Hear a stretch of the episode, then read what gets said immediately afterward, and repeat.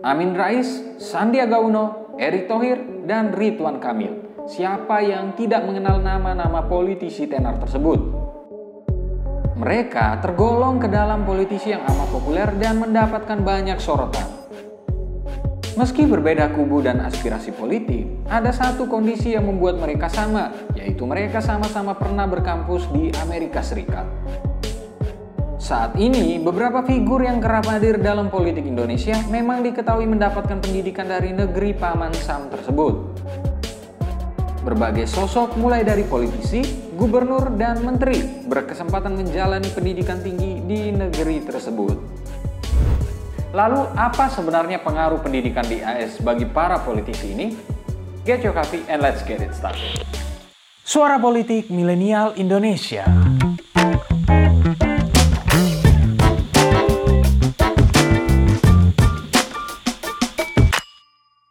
Pendidikan di Amerika bagi orang Indonesia boleh jadi adalah barang yang sangat mewah.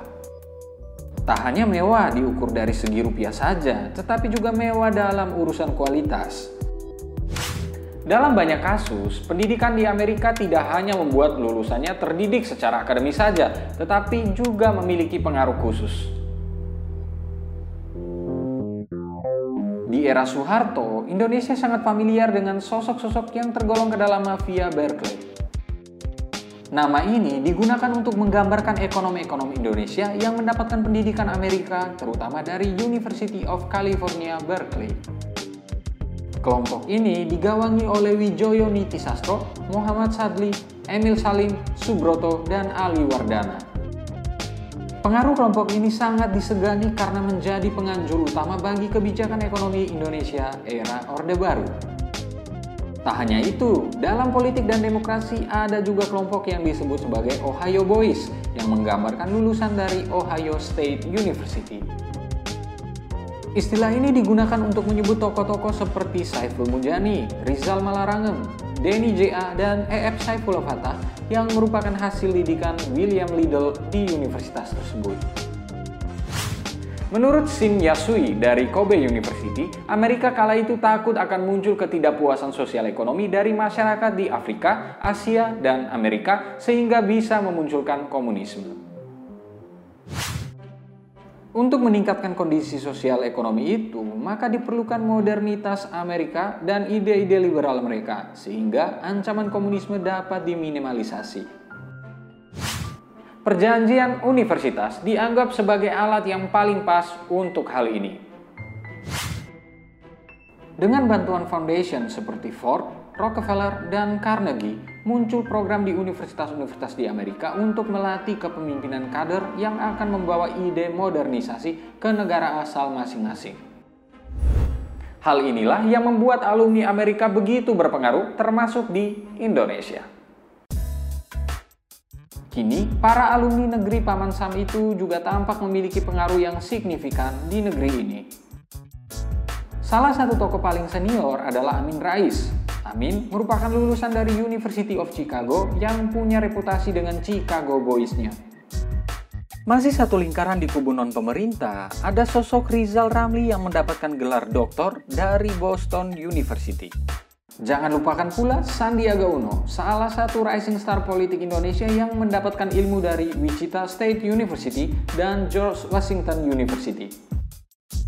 Selain itu ada juga nama Agus Harimurti Yudhoyono yang menyandang gelar master dari Harvard University.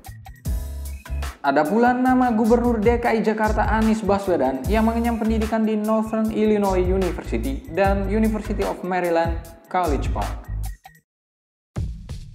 Di sisi seberang, ada jejak University of California Berkeley dalam diri Gubernur Jawa Barat Ridwan Kamil ada pula nama Ketua TKN Jokowi Maruf Amin, Erick Thohir, yang merupakan alumni Glendale Community College National University di California.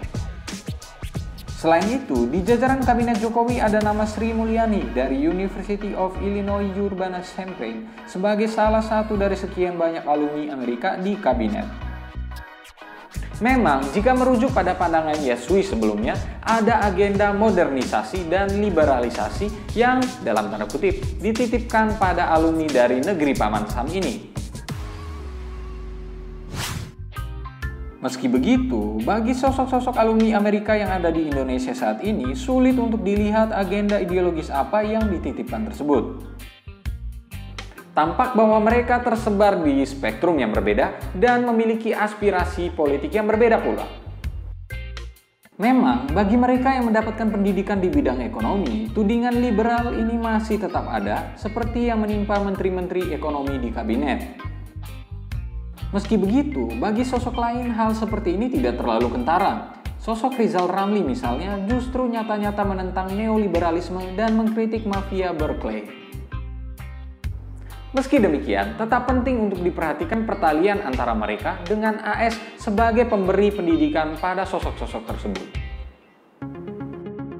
Bagaimanapun, jika merujuk pada agenda seperti yang diungkapkan Yasui, Amerika boleh jadi selalu punya sesuatu yang bisa dititipkan.